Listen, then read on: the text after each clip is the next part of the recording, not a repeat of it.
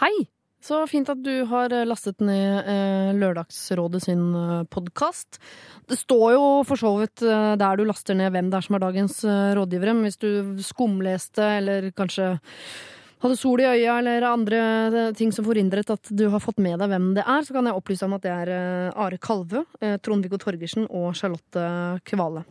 Så det vil jo si at du har en nesten to, halvannen times tid foran deg full av gode råd.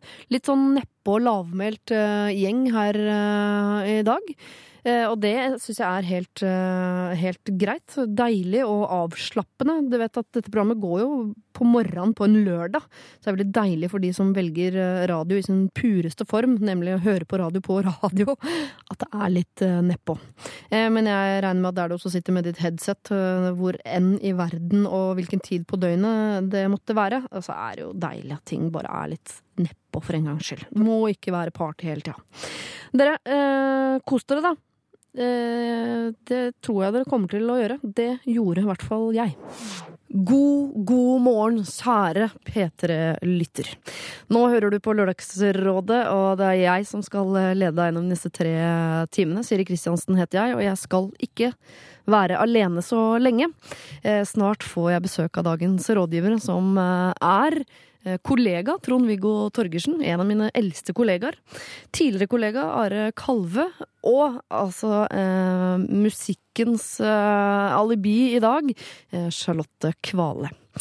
Eh, sammen skal vi gi deg gode råd helt fram til klokka tolv, så bare send inn problemene dine på lralfakrøll.nrk.no.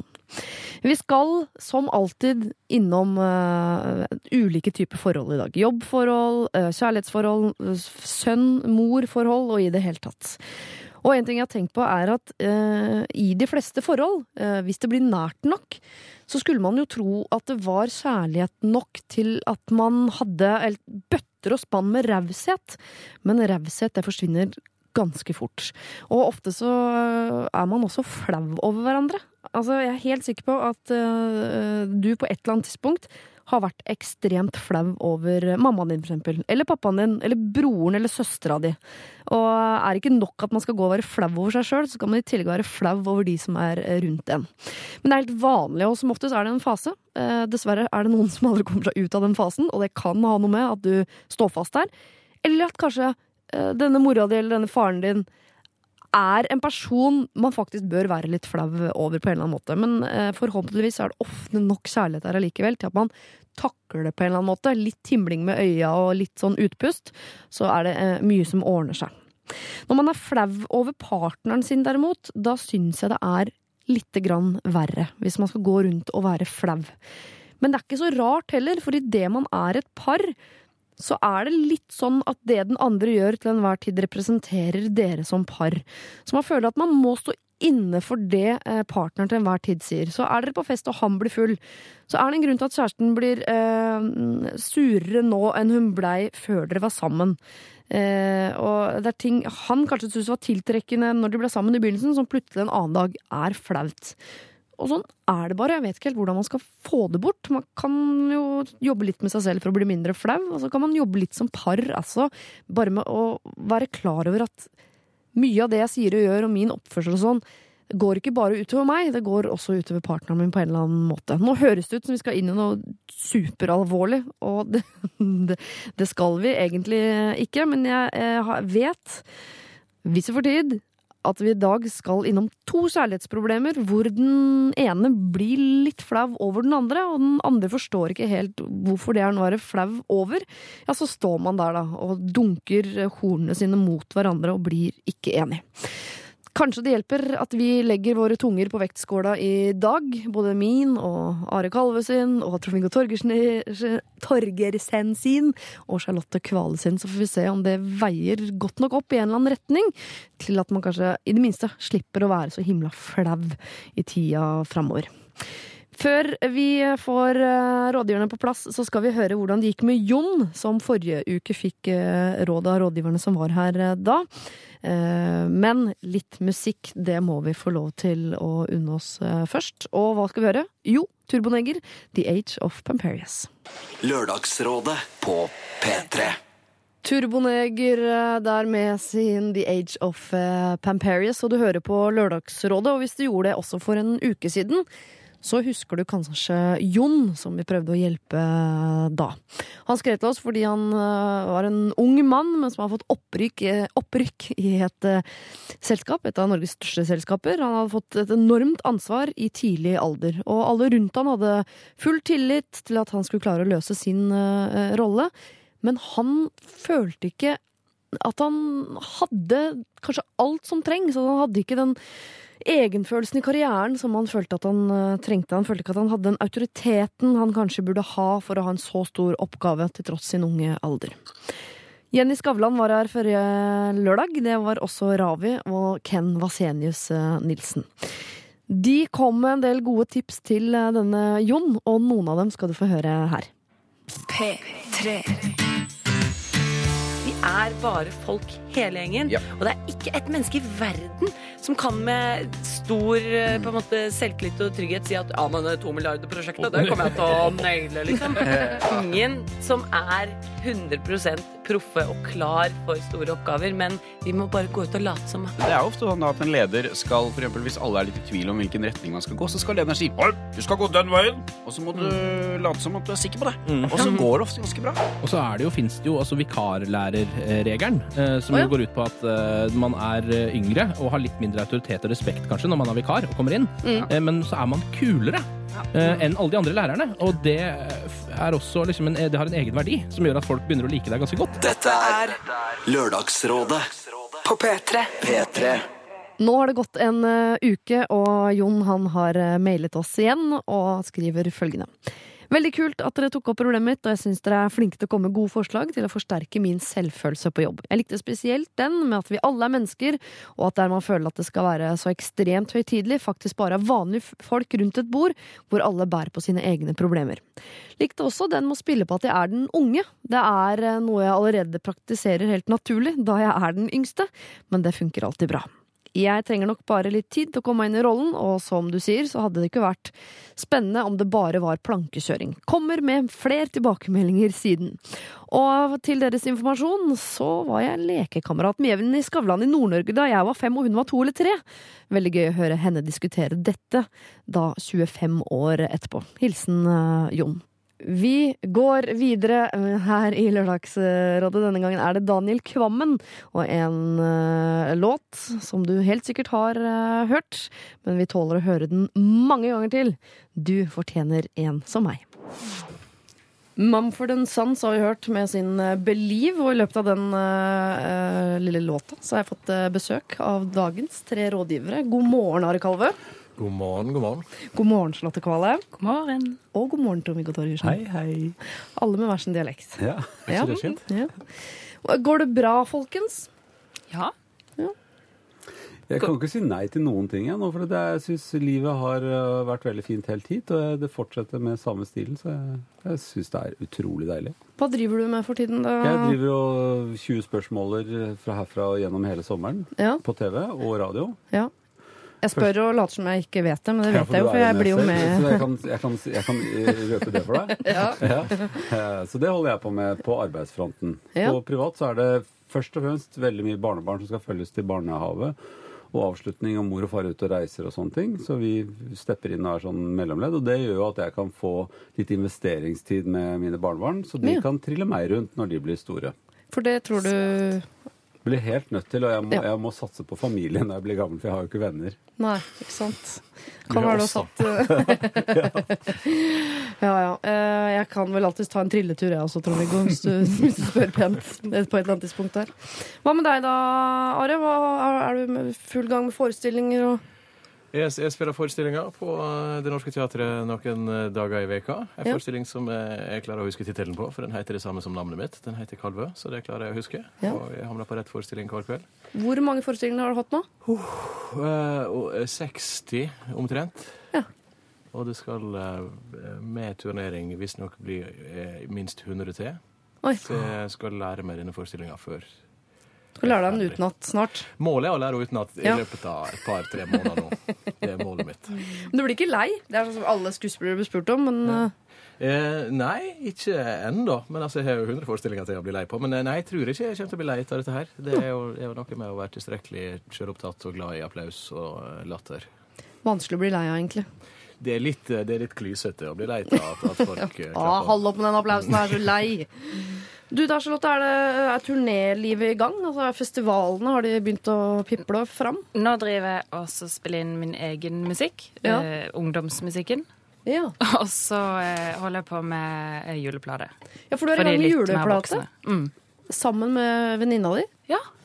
Kan man Det er vel- spørre hva, det som er, hva, hva slags repertoar det er på juleplater når det er uh, ungdomsriff? Uh, nei, for det er, det, det er to isolerte prosjekter. Ok, ja vel. Ungdomsmusikken, det, Det er Charlotte. Kvale-musikken. Den, den blir ikke med i år. Nei, forventet til neste år, okay. når vi har varma det litt opp. Men eh, blir det noen uh, nye julelåter, eller skal dere synge gamle julelåter? Dette har vi diskutert veldig mye, og vi syns det ville være litt spesielt å skrive en julelåt til, på en måte. Jeg vet ikke, det føles bare rart. Vi er jo ikke salmediktere. Nei, for jeg føler at det er, man, det er én julelåt per artist, på en måte. Jeg føl, ja, jeg føler det. Ja, Og dere skrev jo i fjor. Vi gjorde det. Ja. Så vi har brukt opp det, syns jeg. Tror det, det, det er ikke lov å skrive mer enn én? Det er nok gjerne lov, Ja. uh, så vidt jeg vet. Men, uh, men Men du syns ikke det er greit? nei, jeg syns personlig ikke at det er greit. Men er det litt rart å drive med julemusikk nå midt på sommeren, eller? Ja, det Ja. er det. Uh, men vi har kjøpt inn Vi skal til Sverige nå i studio. Kjøpt masse pepperkaker og uh, gløgg. Har dere det? Ja. Åh, så grusomt. I, i, i barne-TV-tiden min så var det alltid opptak til i et juliopptak, at de gjorde alltid i juli, og alle var veldig svette inni i alle skjeggting og sånt. Så det var alltid en som var veldig glad i jul, og hun tok opptak i juli. Når man først, sånn TV og at det er så treigt, ligger så bakpå, og musikk også tar tid og sånn, er det mulig å eh, ta seg enda bedre tid i de prosjektene og så gjøre det et år før istedenfor? At man kanskje skulle lagd en juleplate av jula i fjor, eller? Kanskje det. Jeg bare nevner det. Ja. Man planlegger løser, det løser dette her med å rett og slett la være å lage Juleplater, ja. Det er jo De fleste av oss som er proffe, har jo holdt opp med å lage juleplater rett og slett av den grunn at Ja. man kan bare lage én hver, og at man må lage det om juli. Ja. Så er det slitsomt, alt det der. Dere har slutta å være sesongarbeidere? Ja. ja. Det er ganske komplisert, egentlig. Ære være. Dere, Vi har begynt med en ny ting her i Lørdagsrådet som jeg tror ingen av dere har vært med på ennå. Eh, Det er at jeg ønsker at dere plasserer dere selv i en slags konfliktskyhetsskala. Eh, Der eh, ti er meget konfliktsky, mens null er ikke i det hele tatt. Vil du begynne, Are? Svært gjerne. Um, et, en plass jeg tror jeg er sju og en halv. Ja. Hvis ti var maksimalt konfliktsky. ja. Ja. Det er høyt. Ja, jeg, en, en, jeg unngår konflikter hvis jeg kan. Ja. Eh, Jeg tar gjerne eh, en konflikt eh, når jeg en sjelden gang er sikker på at jeg har rett, og motparten eh, utvilsomt har feil. Da kan jeg ta en konflikt og til og med liker like det veldig godt. Ja. Og, og spesielt hvis jeg kan gjøre det skriftlig på litt avstand.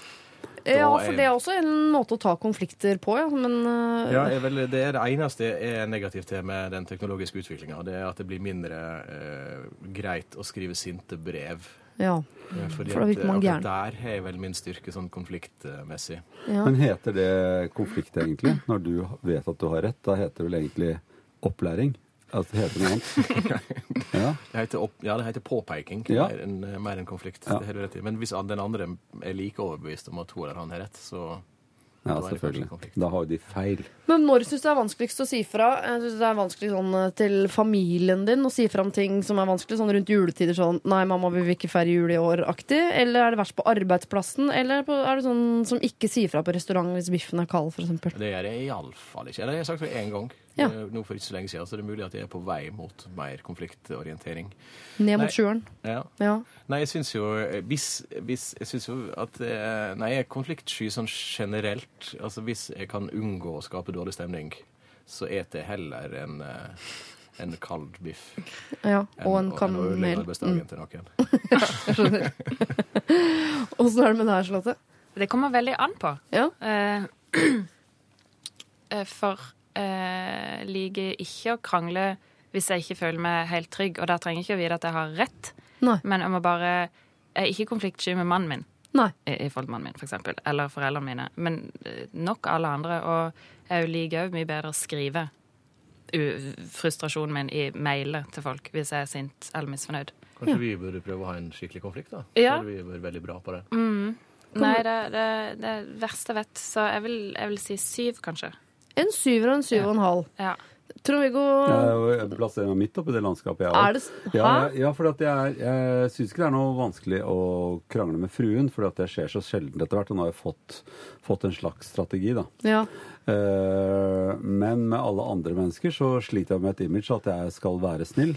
Sånn at med en gang jeg egentlig er bøs, så ser jeg ut som bøs ganger tre. Sånn at jeg må være eh, Og jeg ser litt sur ut i ansiktet, for at ansiktet faller ned etter hvert som man blir eldre. Så man får nedovermunn, og Ja. da ser man ikke noe fin ut. Så begynner jeg å grine hvis, jeg, hvis folk blir ordentlig sinte på meg. Da syns jeg det er så leit at jeg, Det det. jeg, jeg, jeg får det vondt. Så jeg er jo også jeg er helt ned på, eh, på Eller helt opp på åtteren når det gjelder konfliktsky. Ja.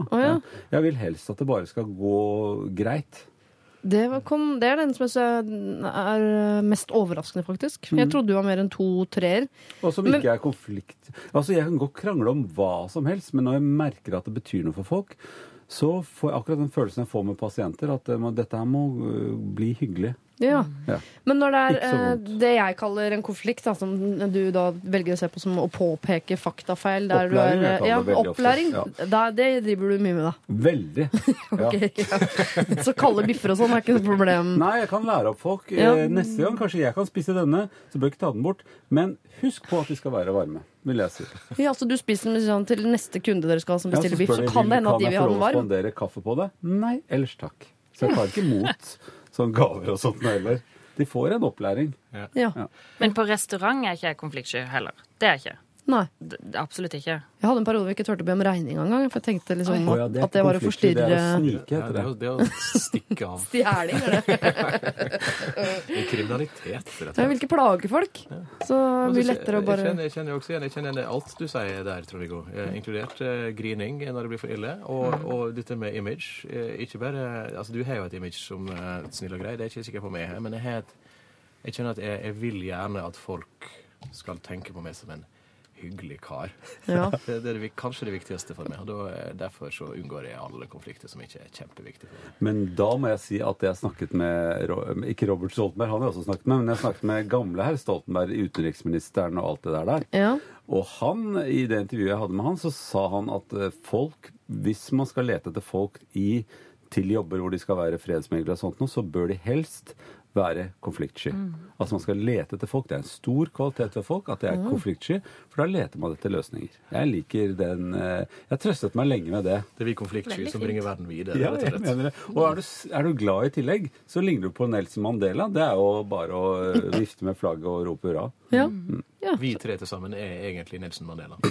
Vi burde drifte Norge, egentlig. Mm. Ikke no verden. Verden, ja. Enig. Men det jeg, da kan man komme med konflikter til oss. Ja. For det er eh, overgangen til at vi skal begynne programmet, regner jeg med. Ja, for det, eh, det er jo det vi skal i dag. Løse konflikter for andre. For det er jo veldig.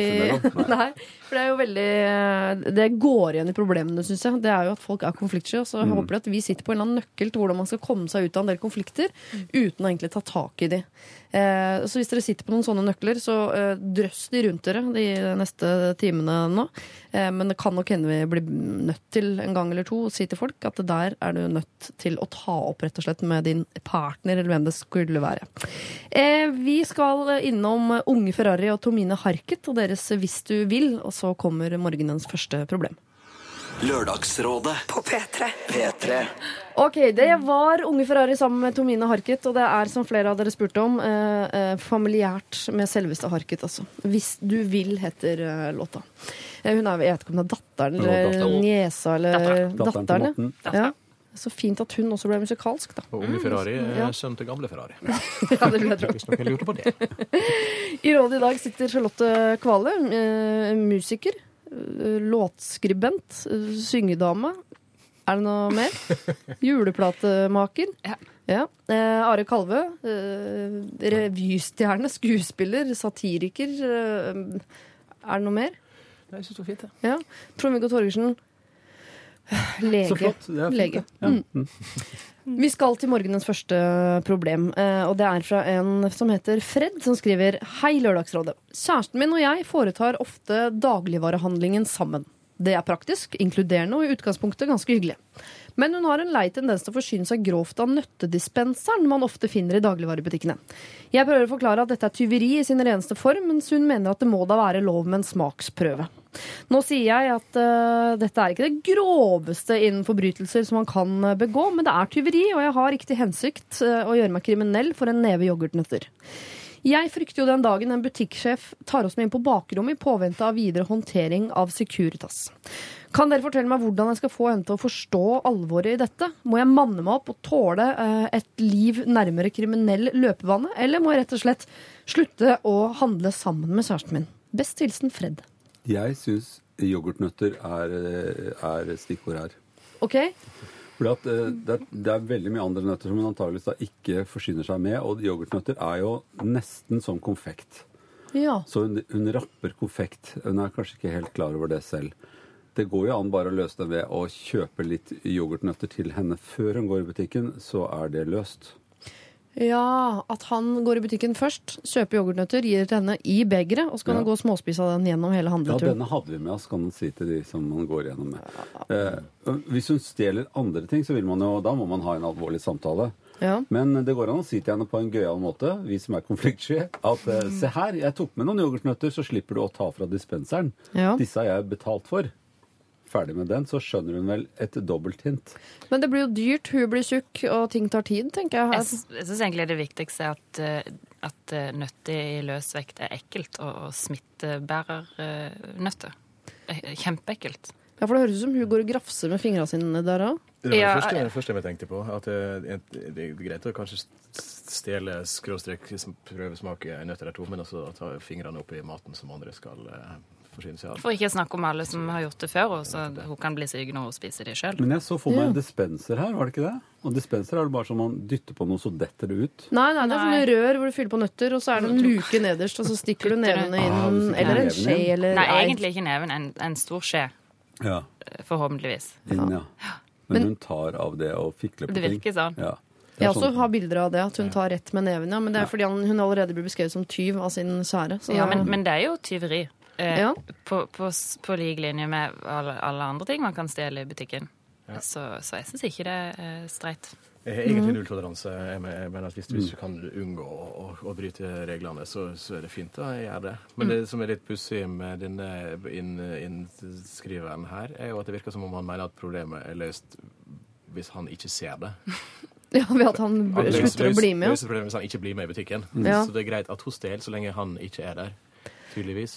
Ja, men det virker som han syns det er, er verre. Ikke at det er eh, stjelingen som er så ille, men at han syns det er flaut. Og er redd for at han også må sitte på dette bakrommet som han jo har blitt uh, truet med hele oppveksten. At Ja. hvis du stjeler, så må du sitte på bakrommet til Securitas kommer. Det er det han er redd for. Vil det jeg vil foreslå at han gjør da, er at han en dag finner på en, en grunn, begripelig og god grunn til at han ikke kan bli med og handle akkurat den dagen, og så, og så tipser han mm. butikken om at pass litt på hun der. Det er selvfølgelig mulig. Så havna hun på bakrommet og får Ja. sin lærepenge. Det syns så jeg var han ganske komme og lurt. hjelpe henne ut igjen. Det kan han gjøre. Var det ikke det jeg sa? En dag kommer de til å Og så blir det et dårlig forhold dem imellom fordi at han har sladra. Eller hva om han kler seg ut som Securitas, og at han kommer, og så er det sånn strippe-Securitas, og så stripper han, og så frir han på slutten, og så blir det Jeg tror ikke det er litt lov å skummelt og strippe veldig romantisk. matbutikker, eh, heller. Du vil ha slutt på kriminalitet, ikke Ja. mer. Det blir veldig spesielt. Ja, blir Men hvis hun, hun har stått og grafset i noe som da ikke er tilgjengelig for eh, smaksprøver, for det er det ofte i matbutikker, så har de delt opp noe til dette er smaksprøver. Uh, uh, og det, så er det rett og slett at man rapper noe som man ikke har betalt, og det er ikke lov. Men Punktum. må hun smake på yoghurtnøtter hver eneste gang hun går i butikken? Tenker du at det skal smake annerledes en dag, eller? Ikke sant? Det De smaker jo vondt uansett, Ja. Dag, jeg. dagens nøtter. Tenk om dette her er sikkert en helt annen opplevelse enn det var i går. Ja. Tenk Det kan jo være. Kanskje.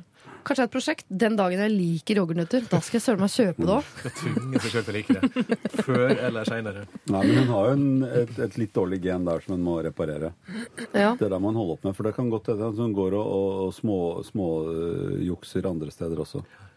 Ja. Jeg vil ikke satse på det. Yoghurtnøtt i dag. Vil du ikke satse på henne? Nei, jeg vil ikke satse på den, at hun kan få lov å være sånn. Nei, det er jeg enig i. helt sånn konkret, Fred kan selvfølgelig tipse om at hun skal handle, og så blir hun tatt. Eller han kan gjøre som han foreslår selv, slutte å handle sammen med henne. Men da har han ikke løst problemet, samfunnsproblemet, han har løst sitt eget problem.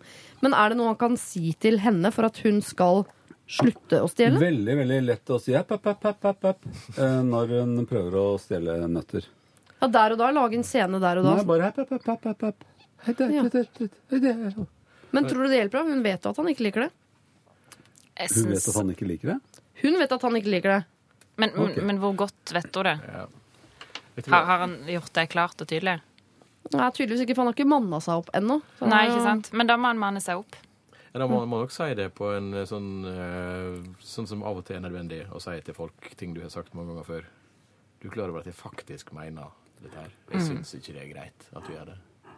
Det er ikke noe å si for å være artig det er ikke, noe, det er ikke, en, det er ikke en, liten intern eh, vits oss imellom. Jeg mener det faktisk. Dette må du slutte med. Og så kan han jo si det på en litt mer aggressiv måte. Det er neste steg. Ikke sant. Ja.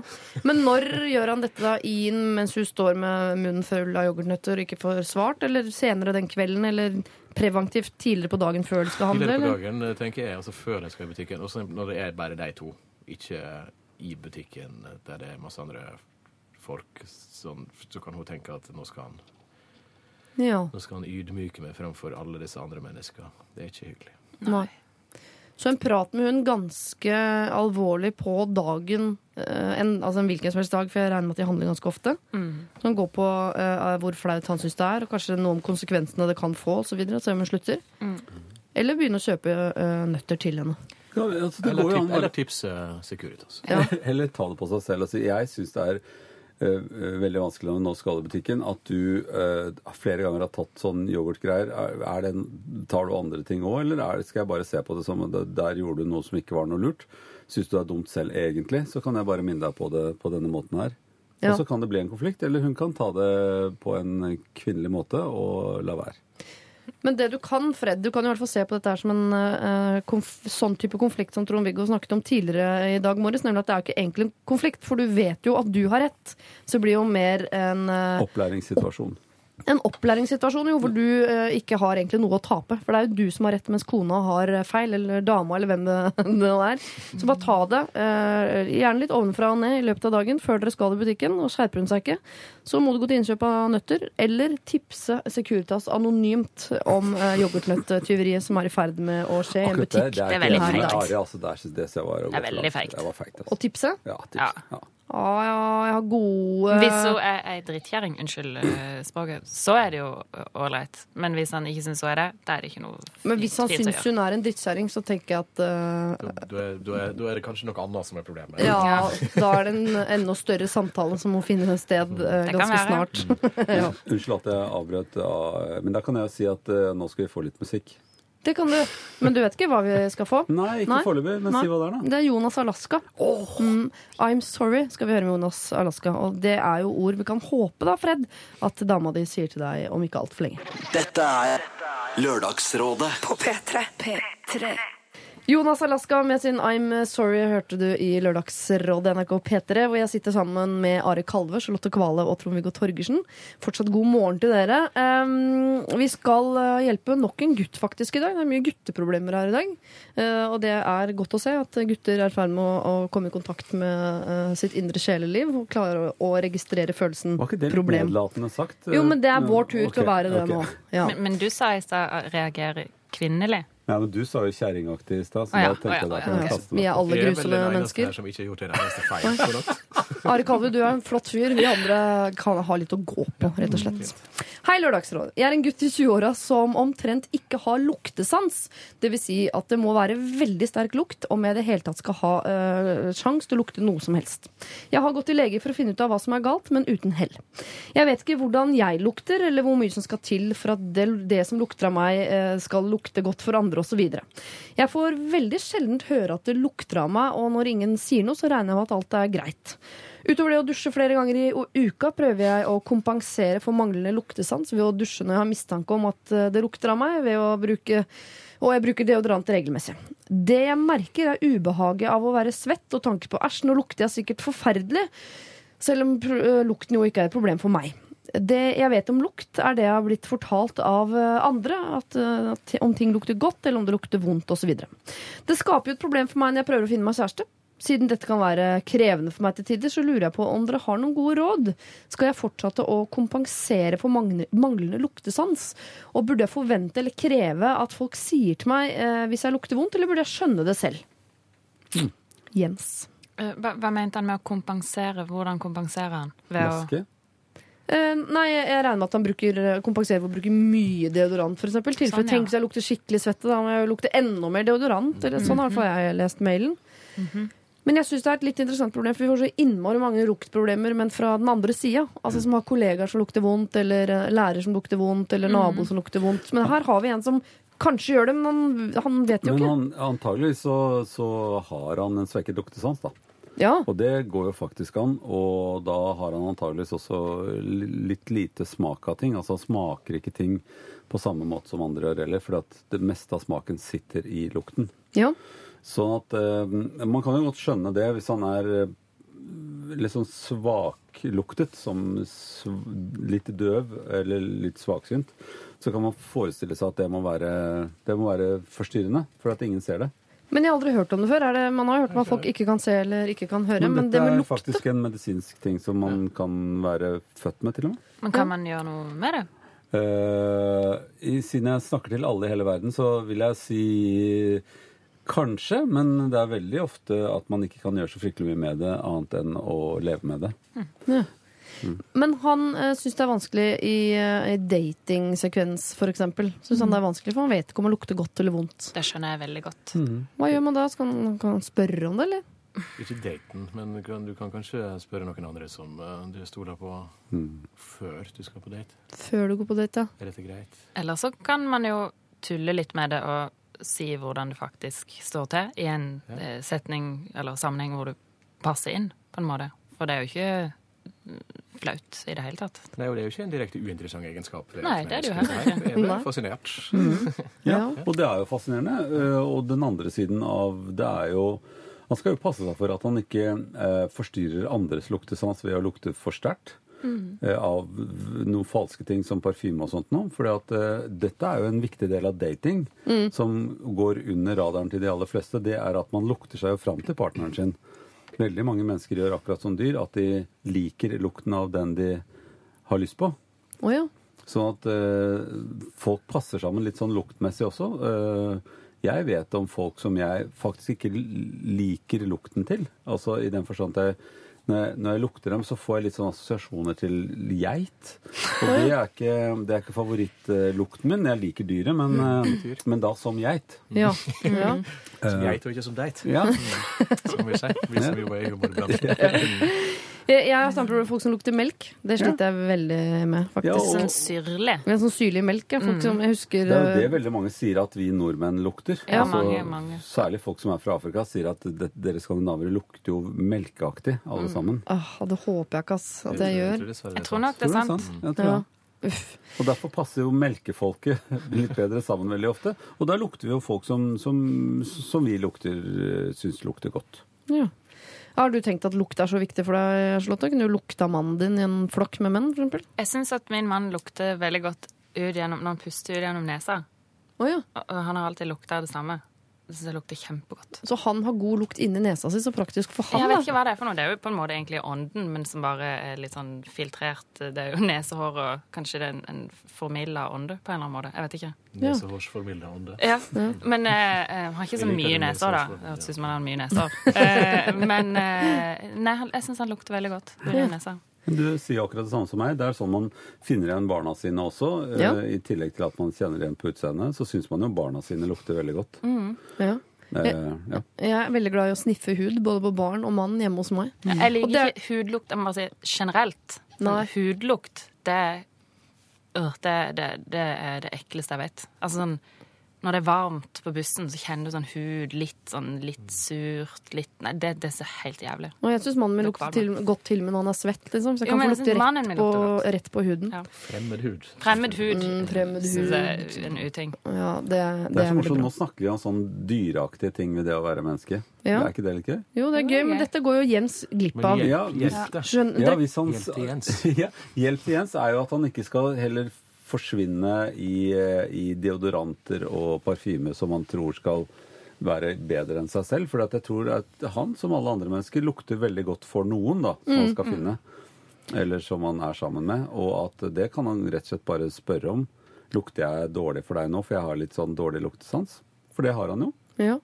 Men kan eh, Hva tror dere skremmer bort en date mest av? At han lukter litt svette eller veldig parfyme? Begge deler, tenker jeg. Ja, det tror jeg òg. Men ja. Ja.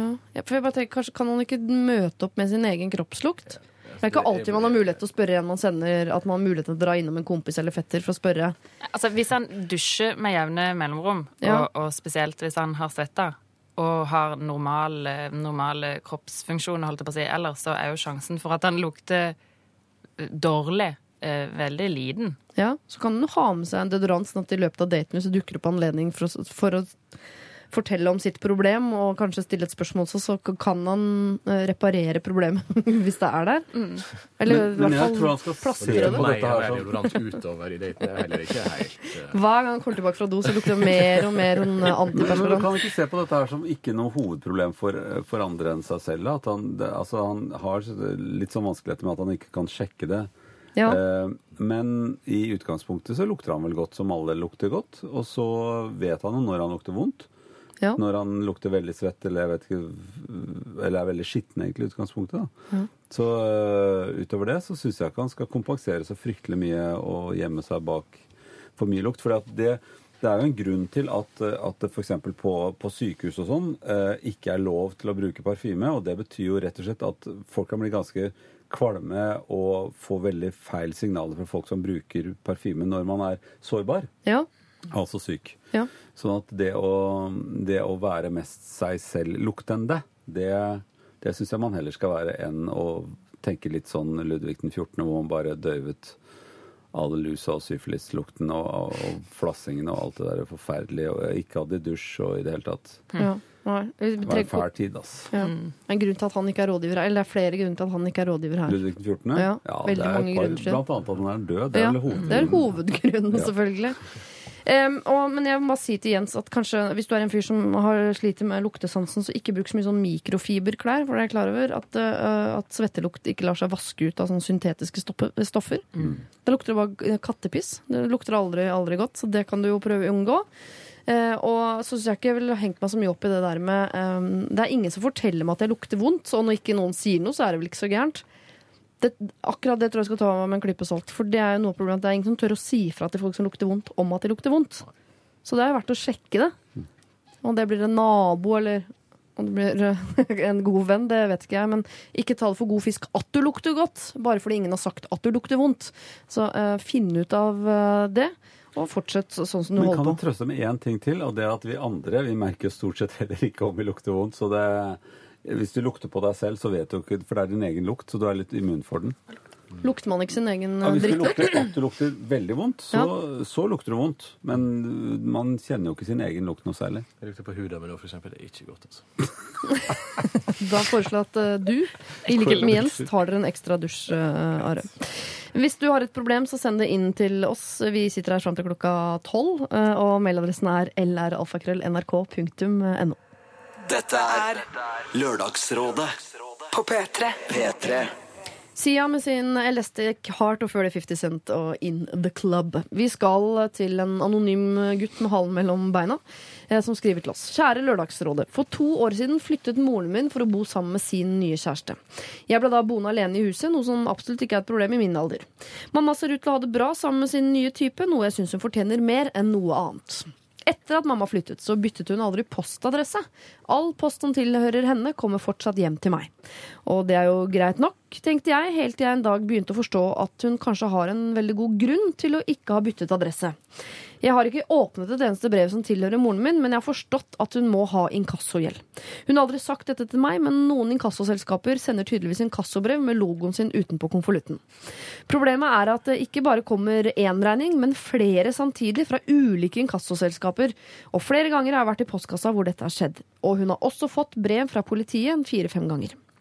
Jeg er veldig bekymret for hvor ille dette faktisk er. Forstår eh, det på henne når vi snakker i telefonen at det ofte kniper i lommeboka.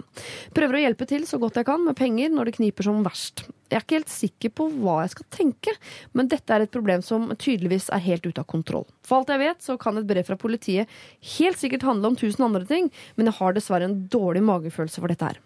Mamma vil antagelig skjule for sin nye type, siden hun jo ikke har byttet adresse. Og mitt største ønske er å kunne prate med mamma om dette, og hvor ille det egentlig er. Kanskje hun trenger hjelp for å komme seg ut av det. Jeg har grunn til å tro at ingen andre i familien heller vet noe om dette.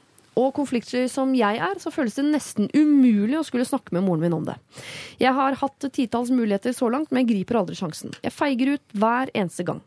Vi har aldri hatt spesielt god dialog om vanskelige ting i vår familie i det hele tatt, og det gjør det jo ikke noe lettere.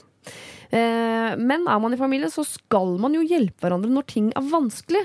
Og hva er rett fremgangsmåte her? Hva tenker dere? Er det mitt ansvar å hjelpe mor med slike problemer? Hilsen da denne anonyme gutten med halen mellom beina. Og postkassa full av inkassobrev til mora, gitt. Mm. Men kan, kan, det tenkes at hun vil at han skal finne ut uh, dette her? Ja, for hun må jo vite at han vet. Hun må skjønne at han eh, kanskje legger sammen to og to eh, når han ser alle de brevene som blir sendt til den gamle adressa. Mm. Men hva er det hun vil oppnå med det, da, i så fall? Hvis vi går ut fra at mor vet at sønn vet? Da tenker jeg at når han uh, møter henne for å overlevere posten, som jeg regner med at han gjør av og til, og ikke bare videresender det til henne, så har han jo da ei, ei god anledning til å ta det opp på en måte som ikke er sånn nå skal vi sette oss ned og snakke om noe vanskelig uh, som ikke trenger å være så konfronterende. Når han sitter med breva foran seg, og så kan han jo velge hvilken rett han legger øverst. Ja. Men tror du at hun innerst inne ønsker at han, eh, han, skal hjelpe henne rent økonomisk, eller tror du det er en slags invitasjon til dialog? Jeg, jeg, velger jo å tro at det kanskje er en invitasjon til dialog, eller på et eller annet slags nivå fra, eh, fra henne. Ja. For hun må jo skjønne at han kan skjønne dette her. Hun prøver iallfall ikke å holde det skjult for han. Ja. Nå har jeg aldri vært uh, borti liksom dette, men man hører jo fra folk som uh, slutter å betale regninger og sånn, så slutter de å gå i postkassa. De henter ikke brev i det hele tatt. Og det kan jo være det er det hun driver med, at det er en eller annen psykologisk sånn Så lenge ikke jeg ser de brevene, så, så håper jeg de bare forsvinner. Og Det er det interessante ved at vi får sånne henvendelser på denne måten til oss. Jeg syns vi er veldig flinke til å skrive, det er nå det ene. Men det, vi må også lage oss resten av bildet selv. Og det kan jo være sånn at siden hun da ikke er gift med denne mannen hun var gift med før, at han ordnet alt mulig. Ja. Og nå ordnes det ikke. Mm. Sånn at hun blir sittende med ting hun ikke skjønner hvordan man skal gjøre, og bare håper at det går bort. For det er et ganske menneskelig ting å håpe at ting går bort. Ja. Det er derfor ikke menn går til eh, lege når de har litt vanskeligheter med at de ikke får lattvannet, f.eks. Fordi at de bare håper at det går over. Og det gjør det jo stort sett ikke hvis du har et sånt problem. Nei. Så hun har nå et økonomisk problem antageligvis, blant annet, som hun ikke får til å gå bort. Og det kan være fint for han å tenke sånn. For ja. da er det kanskje lettere for han å si at hva er alle disse brevene her? Er det noe du vil at jeg skal hjelpe deg med? For da begynner han uten å, å, å ta, holdt på å si, ta apekatten fra moren sin, for det er jo hun som har apekatten, som jeg pleier å si. Ja. Er det noe du vil at jeg skal ordne for? Det er jo en fin måte å nærme seg det på. Ja. For han, han, han, gjør jo ting for henne i utgangspunktet når han ja. tar imot eh, posten. Og, altså, er det noe vil du at jeg skal ta med av et eller annet som, som sånn praktisk som, uh, som du helst vil slippe, så kan jeg godt gjøre det. Ja, for det er tydelig at Hun, hun har nok øh, ganske store økonomiske problemer. For hun er i utgangspunktet blakk. Hun ringer jo av og til, og da har hun ikke penger i utgangspunktet. Og da har hun ikke betalt inkassoregningene sine engang. Så det er jo må legge på det mm. på minussida. Og det jeg syns er litt skummelt her, er at han bor jo i huset hennes. Og hvis hun slutter å betale regninger, så på et eller annet tidspunkt da, så står det jo noen og knakker på døren mm. eh, og tar huset han bor i. For dette er jo noe man får mye hjelp med disse nye fjernsynsprogrammene som heter sånn Luksusfellen og sånne ting. Og ja. det, alt det handler om å refinansiere ting ikke ha kredittkort, altså å sette opp et budsjett og alt det der. Og få ned Annet-posten, som jeg ser at det er ganske okay. vanlig ja. luksusfellen. Ja, Annet heter denne, denne sammenheng også alle de firmaene som tjener på disse inkassotidene hennes. Ja. Og det politigreiene, det kan jo være noe helt annet. Eh, det kan være Hva heter det noe? Sånne som jeg ofte får fra politiet, da, det er at jeg har kjørt et sted hvor de har tatt bilde av deg, og så litt fort med bil, og, så, og da, da, skriver de til meg og sier Se her hva vi har. En regning som du, er fint at du betaler, uh, osv. Ja, for det er sjelden det kommer noen sånn hyggelige brev fra politiet. Hei, det er politiet. Jeg ser du har flyttet inn i nytt hus. Så koselig. Du har sikkert betalt litt for mye for det, men skal vi komme og ta en titt? De skriver jo aldri sånne ting. Nei, så eh, når anonym gutt 26 her eh, er bekymret for moren sin, så forstår vi det. Men kan dere også skjønne at han for det første er en konfliktsky, som jo mm. alle her bør kjenne seg igjen i. Det har vi mm. vært igjennom. Eh, men å skulle være den som plutselig tar opp ting med moren sin, altså det er en sånn eh, noe rart men Der syns jeg at han skal hjelpe mamma med de tingene der. Mm, det er jo sikkert når det skjer, hvis han tar mot til seg, ganske ydmykende for henne. Men det blir man jo ferdig med ganske fort, når man er, kanskje blir litt sinna på han og sånn, og så, men så er det i hvert fall framme i lyset. Ja. Um, og så må hun jo bare uh, svelle stoltheten sin og, og ta seg sammen. For, for hans skyld også, på en måte. Ja som du sier, bor i dette huset hennes og ja, ja, for det kan jo gå utover han på et eller annet tidspunkt. Men så tenker jeg også, uh, fordi jeg altså, uh, uh, har en lang historikk med å være konfliktsky selv, mm. så har jeg lagd meg noen sånne grep for hvordan jeg skal komme meg Altså hvordan jeg skal tvinge meg selv til å ta opp konfrontasjoner. Heter det? Ta opp konfrontasjoner? Glem det. Jeg går videre. Eh, og det er, eh, dette er fortalt før. Jeg bodde, for eksempel, bodde sammen med en uh, venninne, så hadde vi en regel på at hvis jeg satte opp et hvitt kryss i gangen med teip, så var det noe jeg var irritert på. Vi, hvis hun så det, så måtte vi snakke om det. For det er jo ofte at man uh, våkner om morgenen bare Søren heller, nå har han ikke kjøpt dopapir igjen. ikke sant? Og så skal jeg, nå skal jeg ta det opp. Men i løpet av dagen så har konfliktskyheten tatt overhånd. Så tenker man nei, jeg gjør det ikke nå, eller kanskje neste gang. Mm. Men hvis hun allerede har sett det hvite krysset, da, da kan du si hva er, det, hva er, konflikten? Og da er det ikke noe sted å gjemme seg. Da må man på en måte bare bringe på bordet mm. hva det er man egentlig er irritert på. Mm. Så jeg bare lurer, kan han på en eller annen måte få sagt fra til moren sin 'Jeg vet om problemet ditt', eh, og da på en måte gi ballen over til henne, sånn at det er hun som må ta denne konfrontasjonen med han. Mm. Kan han begynne å åpne noen av brevene, f.eks.? Nei, det kan han ikke. nei, det syns jeg ikke heller. Nei. Er dere sikre på det? Ja. Nei, Nei man kan, kan, ikke gjøre det. altså. Ja, Hvis han trodde det var til seg, så, men det er allikevel dumt. For det du gjør da, det er å begynne å overta den nabokatten som egentlig er morens. Og, det, mm. og det, det, er jo hele feilen her. At mor ikke løser dette problemet selv. Jeg tror det vil det Ja. Ja. Da blir det, det verre. Jeg hadde blitt kjempesint hvis ja. noen åpna min mm. inkassobrev. Ja. Og hvem av dere var det som foreslo i stad at man skulle tipse politiet om uh, butikknaskekjæresten sin? Det var selvfølgelig Are. Det var Are, ja. Tipse uh, Securitas, ja. mm, ikke politiet. Hva tenker du her, anonym gutt 26? Kan man tipse politiet om at du, moren min har byttet adresse, hun? Hun bor ikke her. Nei, men denne eh, I stad var det snakk om noen som med vitende og vilje gjorde noe eh, mm. ikke helt uh, lovlig, og som ikke gjorde det fordi at hun var i en vanskelig situasjon, men bare for å få seg en nøtt.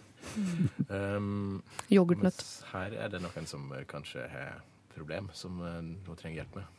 Mm. Ja. Det er noe annet, Ja, og det, det går jo an å begynne den setningen ganske lett når man skal levere de, de, brevene neste gang. Jeg ser du har fått en del sånne brev. Er det ting du har ordnet opp i, eller, eller skal vi skal hjelpe deg noe med noen ting, eller, eller skal du rett og slett bare la meg slippe dette her og få sendt posten dit du bor nå? Ja.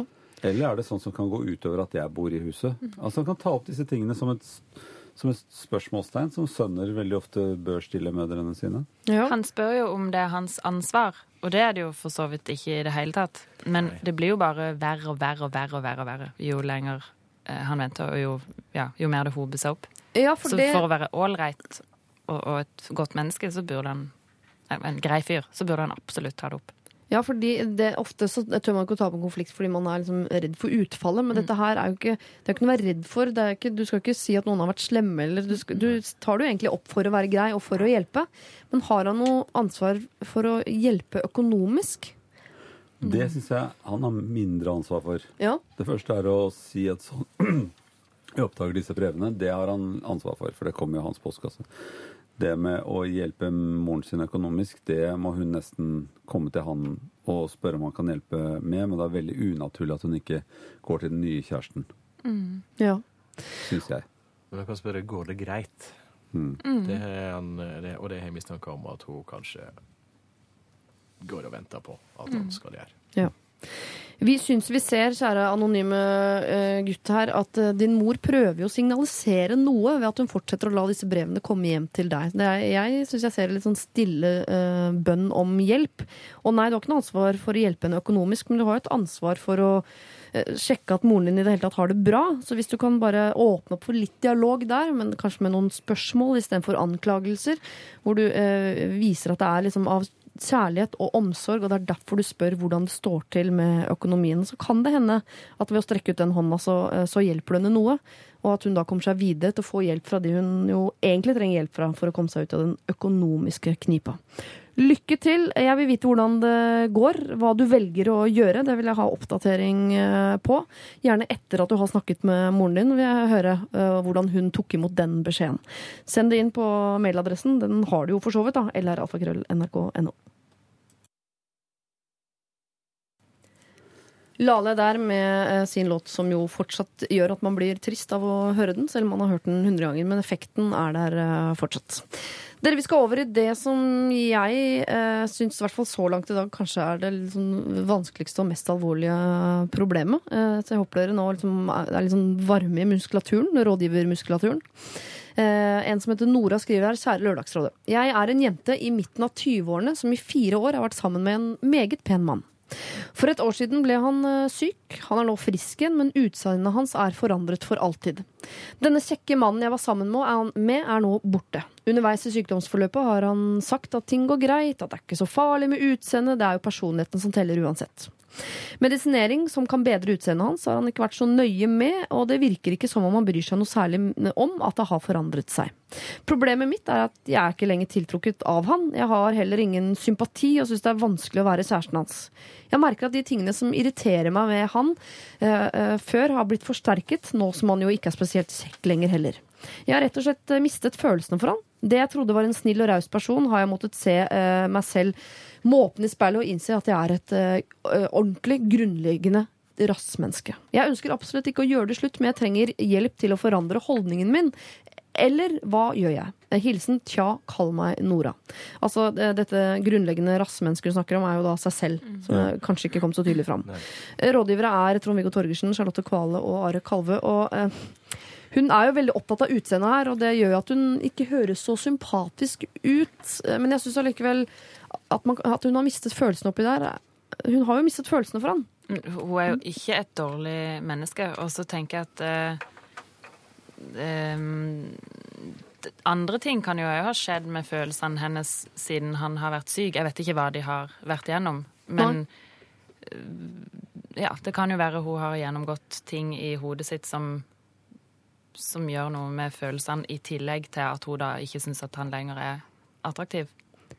Enig. Fordi det at hun eh, velger å poengtere dette med utseendet, kan jo bare være en sånn uheldig timing, egentlig. I at det er eh, andre grunner til at hun har mistet følelsene. Mm. Og så har hun hengt seg opp i det. For jeg tror ikke, selv om hun tenker at hun er rastmenneske, kan man miste interessen for et menneske fullstendig bare fordi de endrer utseendet? altså det vet ikke jeg. Det kommer an på hvor mye det utseendet var en del av han, da. Mm. Ja. Fordi at eh, Vanligvis så skjer det at når man er, virkelig er glad i noen over lang tid, så er det ikke eh, så er det ikke så viktig det man ser, men det man ser, når, eh, ser inni seg. Mm. Eh, selv om man kjenner en utseende, så er det ikke det som liksom sitter og er det som tenner deg. da. Nei. Um, og laver tilhørighet. Så um, jeg ble også litt sånn forbauset over at det, hun var så opptatt av utseendet og la så mye på den skålen. Ja. Og skyldte så mye på sykdomsforløpet. Ja. Men andre ting kan jo skje i løpet av et sykdomsforløp hvor folk viser at de er litt annerledes enn sånn man trodde de var. Og at man merker også seg selv at man var litt annerledes enn det man trodde man var. Mm. Ja. Så, og særlig i, i 20-årene så driver man og utvikler veldig mye av sin voksenhet. Da, da begynner man liksom på voksenheten, og hjernen former seg også til å bli den man er. Så det kan godt tenkes at det har skjedd veldig mye annet i løpet av denne tiden som har, som har gjort at det forholdet kanskje ikke fungerer lenger. Det rare er at hun da spør om ikke å få hjelp til å bli, å bli ferdig med han, men få hjelp til å fortsette å være sammen. Mm. Det er jo en del av sluttspørsmålet der, er det ikke det? Jeg ønsker absolutt ikke å gjøre det slutt, skriver hun, men jeg trenger hjelp til å forandre min holdning. Eller hva gjør jeg? Mm. Så det hun trenger, litt på fiskeren etter her, er enten en, eh, en godkjennelse fra oss på at det er lov å gjøre det slutt, eh, eller eh, hjelp til å ikke ønske å gjøre det slutt lenger. Mm. Men det også virker som jeg er irritert på ikke nødvendigvis at han har endret utseende, men at det virker som det er helt greit for han. han. Det er noen medisiner han kunne tatt som hadde gjort at ikke, han hadde forandret utseendet så mye, men det, virker, det, er ikke han så opptatt av. Og det virker som hun også blir liksom nærmest litt provosert over. Jeg hengte meg litt opp i at hun skrev at hun ikke hadde sympati med han lenger. Som ja. eh, tolka var på grunn av at han valgte å ikke prioritere utseendet sin. Ja. Eh, Heter det virkelig utsjånaden sin? Heter det? Ja. ja. La oss henge oss opp i det nå. Eh, eh, eh, som er jo er veldig forståelse for at han velger å ikke prioritere hvis han hever Nå vet vi ikke hva slags sykdom han har hatt, eller hva slags behandling han har vært gjennom, men jeg har umiddelbar forståelse for at det ikke er det du er mest opptatt av da, hvis du er alvorlig syk. Ja. Eh, og Derfor er det, så, det er så merkelig at hun er så opphengt i det. For det, jeg velger jo også å tro at det må være noe annet som har forandra seg der. Eh, da jeg var midt i 20-åra og hadde vært lag i hele 20-åra, og da, eh, som Trond-Viggo sier, du er jo ikke ferdig som menneske. Du veit jo ikke hvem du er når du er 20-21. Mm. Så det, jeg, jeg vil jo tro at det er noe annet og av en eller annen grunn så har hun hengt seg opp i dette med utseendet, som, som, gjør det litt vanskelig å ha mye sympati med henne. Ja. Du må velge å tro at, det, at hun faktisk ikke helt har, har skjønt at det er noe annet som har forandra seg. For ellers, ellers har jo dette forholdet i utgangspunktet i fire år vært bygd på noe veldig spinkelt. Mm. Ja, hvis de bare er sammen fordi han var en pen mann og et eller annet. For jeg tenker, hvis, hvis han er, Nå er han frisk igjen, da. Men jeg ser ikke helt for meg at en som har vært veldig syk, egentlig har så lyst til å være sammen med en som uh, som jo går ganske langt til å innrømme at hun ikke er spesielt sympatisk. Eller hun har ikke noe sympati for han. Da tenker jeg at, at dette, dette, høres ikke ut som et par som skal gå uh, altså, sammen inn i solnedgangen, altså, dessverre. Jeg syns det høres ut som hun på en måte har mista respekten for han. For dette, det, når hun sier at hun ikke har noe sympati med at han ikke, som du sa, bryr, bry seg om det. Ja, det, det høres ut som, hun, som om han, han, viser seg å være noen som hun av en eller annen grunn ikke liker likevel. Og så henger du på det, da. Det, ja. ja. det høres ut som en sånn respekting, og det er det jo veldig viktig at man har. for hverandre. Man ser opp til hverandre på en eller annen måte. skjønner du mener? Ja, ja, ja. Men så kan jeg, eh, hvis jeg skal eh, legge til en del forståelse også her for Nora, og den er der absolutt, så er det uh, i midten av 20-åra. De ble sammen tidlig i 20-åra, og så blir han veldig syk. Og jeg kan skjønne at det er en utfordring for, for henne som er liksom i sin uh, friskeste alder, og skulle og Hvis hun da mister følelsen underveis og ikke føler at man kan gå ut av det, fordi da er man et grunnleggende rassmenneske, som hun sier. Mm. Og så er, Da blir man litt låst i det. Det kan jo hende at Hvis han hadde vært frisk hele veien, så hadde de kanskje gjort det slutt nå uansett. Men ved å gjøre det slutt nå, så vil jo uh, samfunnet for øvrig tenke at Og nå ga de ikke hun mer. Mm. Ja, det, så den er litt låst. Det, det, det, er ikke vanskelig å forstå at det er vanskelig på grensa til umulig å bryte et forhold eh, når den ene er alvorlig syk.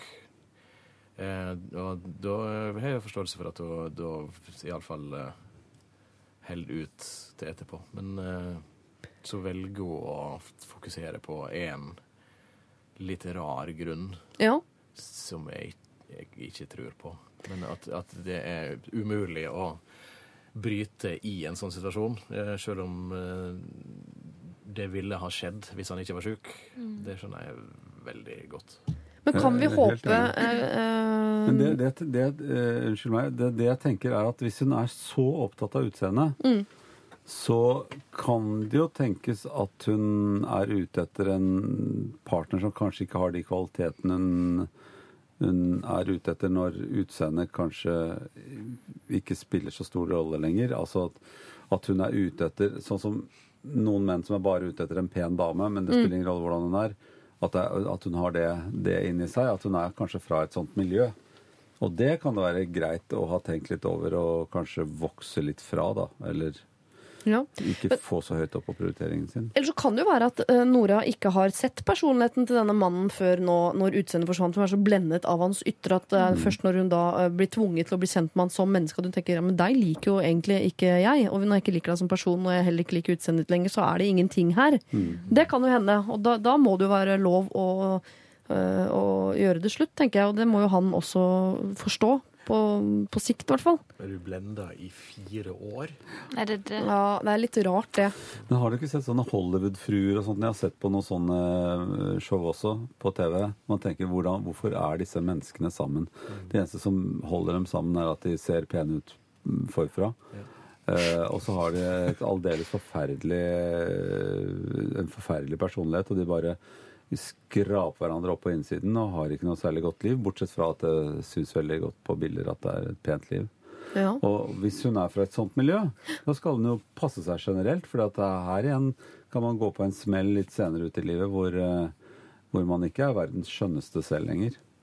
Det kommer til å skje. Eh, men kan det skje psykisk eh, at man velger å fokusere på feil ting? At, at hun har mistet følelser for han midt oppi dette her av andre grunner, men fordi hun da får så dårlig samvittighet, så graver hun seg ned og tenker å, jeg er grusom, jeg er grusom, jeg er grusom. Og er det er sikkert pga. utseendet på toppen av hele eh, Herregud, det er et grunnleggende rassemenneske. At hun har psyka helt ut på at hun egentlig ønsker å forlate han av andre grunner, og så prøver hun å gjøre det verre enn det er fordi hun er selvdestruktiv.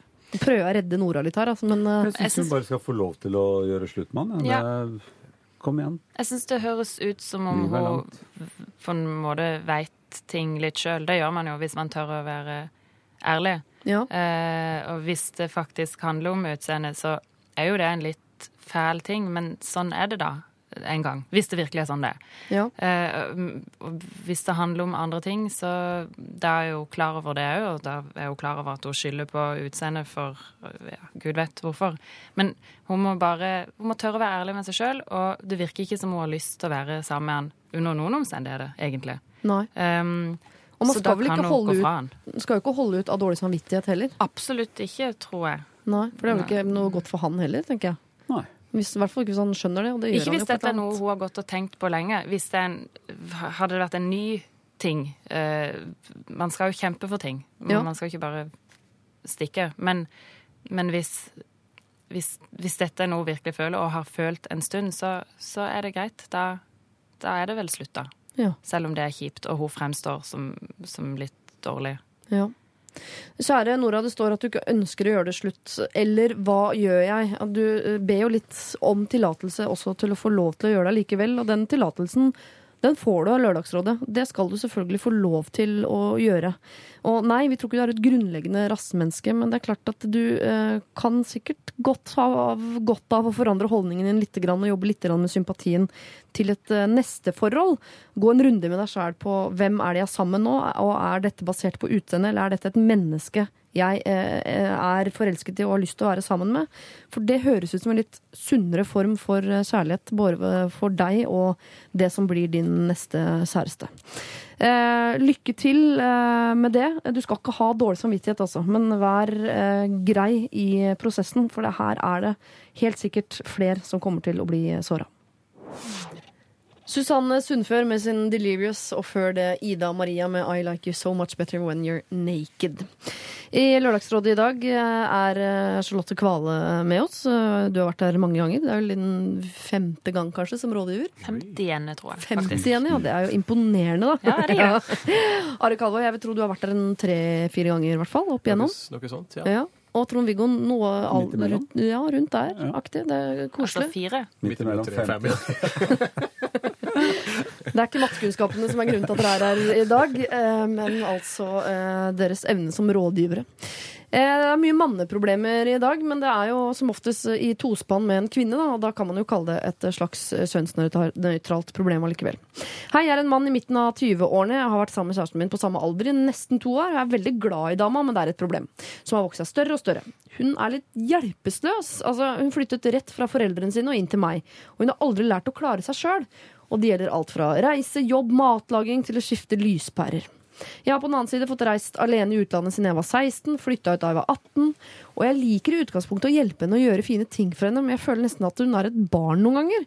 Og dette fører til at jeg ikke kan gjøre ting alene, eh, og at jeg ofte må endre mine egne planer bare for at det er noe hun ikke klarer å gjøre selv, fordi det er skummelt. Dette kan være enkle ting som å finne veien til et offentlig kontor ved hjelp av kart og GPS, eh, eller et telefonnummer til et sted som ingen av oss har vært før. Og det føles i utgangspunktet som et problem man burde kunne vokse fra seg. Men vi er midt i 20-åra, og jeg frykter at hun aldri kommer til å gjøre det. Hva kan jeg gjøre? Jeg orker jo ikke dette i lengden. Jeg blir utslitt. Hm. Han kan jo la være å, å, å, å ordne opp. Ja. For da må, altså, hun finner jo veien til slutt. Hvis hun ikke får hjelp av han. Da må hun spørre noen andre. Og det er jo en måte å klare seg sjøl på. Ja.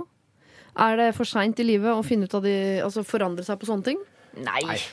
Det er ikke det. Aldri for seint. Går an å gjøre det til en, går an å gjøre det til en liten eh, konkurranse. Hvis det er en, en eh, fridag i lag, eh, de to, så kan han Det høres ut som om begge to er klar over at det er en viss skeivhet her, med mindre de er blind. Så, så da går det an å, å gjøre det til en liten konkurranse. Se hvor fort du klarer å finne veien til denne adressa her. Se hvor fort du klarer å skifte ei lyspære Sjøl, er jo flinkere enn meg. Sånn man gjør med barna sine. Mm. Jeg tar tida. Kom igjen. Mm. Ja. ja. det er jo litt sånn Igjen så er det leit uh, for henne, tenker jeg. Hvis det ikke er bare ren latskap, at hun alltid har liksom mor og far gjort ting for henne. Ja. For det er jo noen som er sånn også, at de er bare litt uh, hjelpeløst oppdratt. At de ikke har fått sånne oppgaver tidligere. Så de vet ikke hvordan de skal gjøre det. Og for de som da ikke vet heller hvordan de skal gjøre det, så må de jo lære hvordan de skal gjøre det først. Ja. Altså Jeg har jo lært opp voksne mennesker til å steke egg, for de skjønte ikke hvordan man får høl på det der hvite som er ytterst, og vet ikke hvor lenge de skal ligge i pannen. Og, altså De har bare sett et stekt egg, ja. og det var det. Og, og, og, og jeg tror noen må bare få hjelp til å lære sånne ting. Hvis du ikke vet hvordan du finner et telefonnummer, så, så vet du det ikke. da. Må du bare få beskjed om hvordan man gjør det, og så finne ut av det. Men det er... Ja, det høres rart ut å ikke vite hvordan du finner et telefonnummer eh, eller et, et offentlig kontor. Så det kan tenkes at hun Eh, jeg legger, jeg legger tillegg folk meninger de ikke har skrevet noe om hele tida. Eh, det, det, er veldig vanlig. Ja. Men kan, kan, det rett og slett være at, hun, at, dette her er noe hun bruker for at hun ikke vil at han skal eh, reise vekk en helg eller gjøre ting for seg sjøl? Hvis han sa at han måtte droppe å gjøre ting sjøl fordi at det var et eller annet hun ikke klarte å gjøre, eller var redd for å gjøre ja, at hun øh, Altså, hun gjør jo at hun, hun, trenger han hele tiden, så han føler at han må være til stede absolutt hele tiden. Det er en måte å kontrollere han på. da. Mm. Vet ikke om han er så utspekulert. Det. Det vet jeg ikke, jeg kjenner ikke så godt. Nei, Men, det er rart med det. Men da må han jo, da må han jo bare da må han jo bare skjære gjennom og, og gjøre ting. Eh, av og til. Han kan jo ikke være der hele tida. Det kommer ikke til å gå bra. Heller. Det var noen syntes det var skummelt, var det ikke det? Synes det var så skummelt å gjøre det. Altså, det å være engstelig for ting er jo ikke noe uvanlig at folk er hvis de ikke kan det. Nei. Eh, sånn at eh, jeg ville gått opplæringssporet her og sagt at dette må du gjøre, for det er jo, nå gjør jeg det så ofte. Men Du ville gått inn i en litt sånn oppdragende rolle da, overfor henne? Ja, nei, For å få en likeverdighet her, så må man jo si at det føles veldig rart for meg. Jeg trodde du kunne dette her. Kan ikke du bare lære deg det? For ellers så blir det så ulikevektig at jeg liksom alt skal gjøre alt, og at du virker litt sånn hjelpeløs. Eh, ja. Uh, tenker jeg at han skal si til seg selv inn i hodet. Sånn at han ikke For det, du, det å ha en kjæreste er jo et likeverdig forhold, da. Ja. Og hvis det blir veldig ulikeverdig, så blir det mer et sånt mor-barn-forhold. Og det er jo ikke noe gøy å ha når man er voksen. Nei, Men det som er farlig her, er jo hvis eh, Altså, de har jo blitt sammen i, i, i disse rollene. Mm. Hun har vært eh, liksom, den hjelpeløse lille piken hans nå i noen år, og han har hjulpet til med alt. Det er han som har skifta lyspærer, det er han som har liksom, ordna og fiksa og henta GPS-koordinater og liksom vært virkelig liksom, eh, eh, vært den som har gjort alt. da. Og Hvis det plutselig snur, at hun nå blir helt selvdreven, steker sine egne egg, skrur i sine egne lyspærer, finner sine egne telefonnumre Men da hadde ikke han sagt at dette var et problem? Det Nei, men det, det, er ikke sikkert han vet at han egentlig liker den rollen han har. Og plutselig at han, øh, I andre enden så sitter han og føler seg liksom at han har blitt tatt fra uh, tatt fra rollen sin i forholdet? Han har jo tydeligvis likt det på uh, et tidspunkt, det? siden det har gått var det to år. Ja. ja. Uh, men det er klart at uh, ting, ting, tar slutt når man ikke er nyforelska og sånn. Ja. Um, og da blir det litt mer plagsomt. Men jeg ville gått for en kombinasjon av å uh, si hva jeg syns om det, åssen jeg syns at det hadde blitt, og, og som Trond Hugo sier, lære henne et par ting. Um, det, det, mest vesentlige Jeg vet ikke hva hun ikke kan, men hvis hun ikke kan finne telefonnummer og skru i lyspære og sånn, så er jo det Det kan man jo lære bort. Det burde lett. jo gå an å kunne lære, ja. ja. Um, og, og si igjen være litt ærlig og si at uh, han syns det er vanskelig. At, uh, at hun ikke klarer seg sjøl i det hele tatt. At han syns at det begrenser han, på en måte. Så her eh, vil dere at han skal gå litt sånn oppdragende og snilt til verks, og ikke liksom sette seg bare helt i vranglås og slutte å hjelpe henne. For det er også en måte å lære barna sine å fly på. Det er jo bare å slutte å hjelpe dem. Ja, det... Så må de lære det selv. Sette ja. det ut i skogen-aktig. Nå er det, nå er det sånn trekk ved menn også at de liker å gjøre ting sånn at de er litt fortere enn damer til å gjøre ting.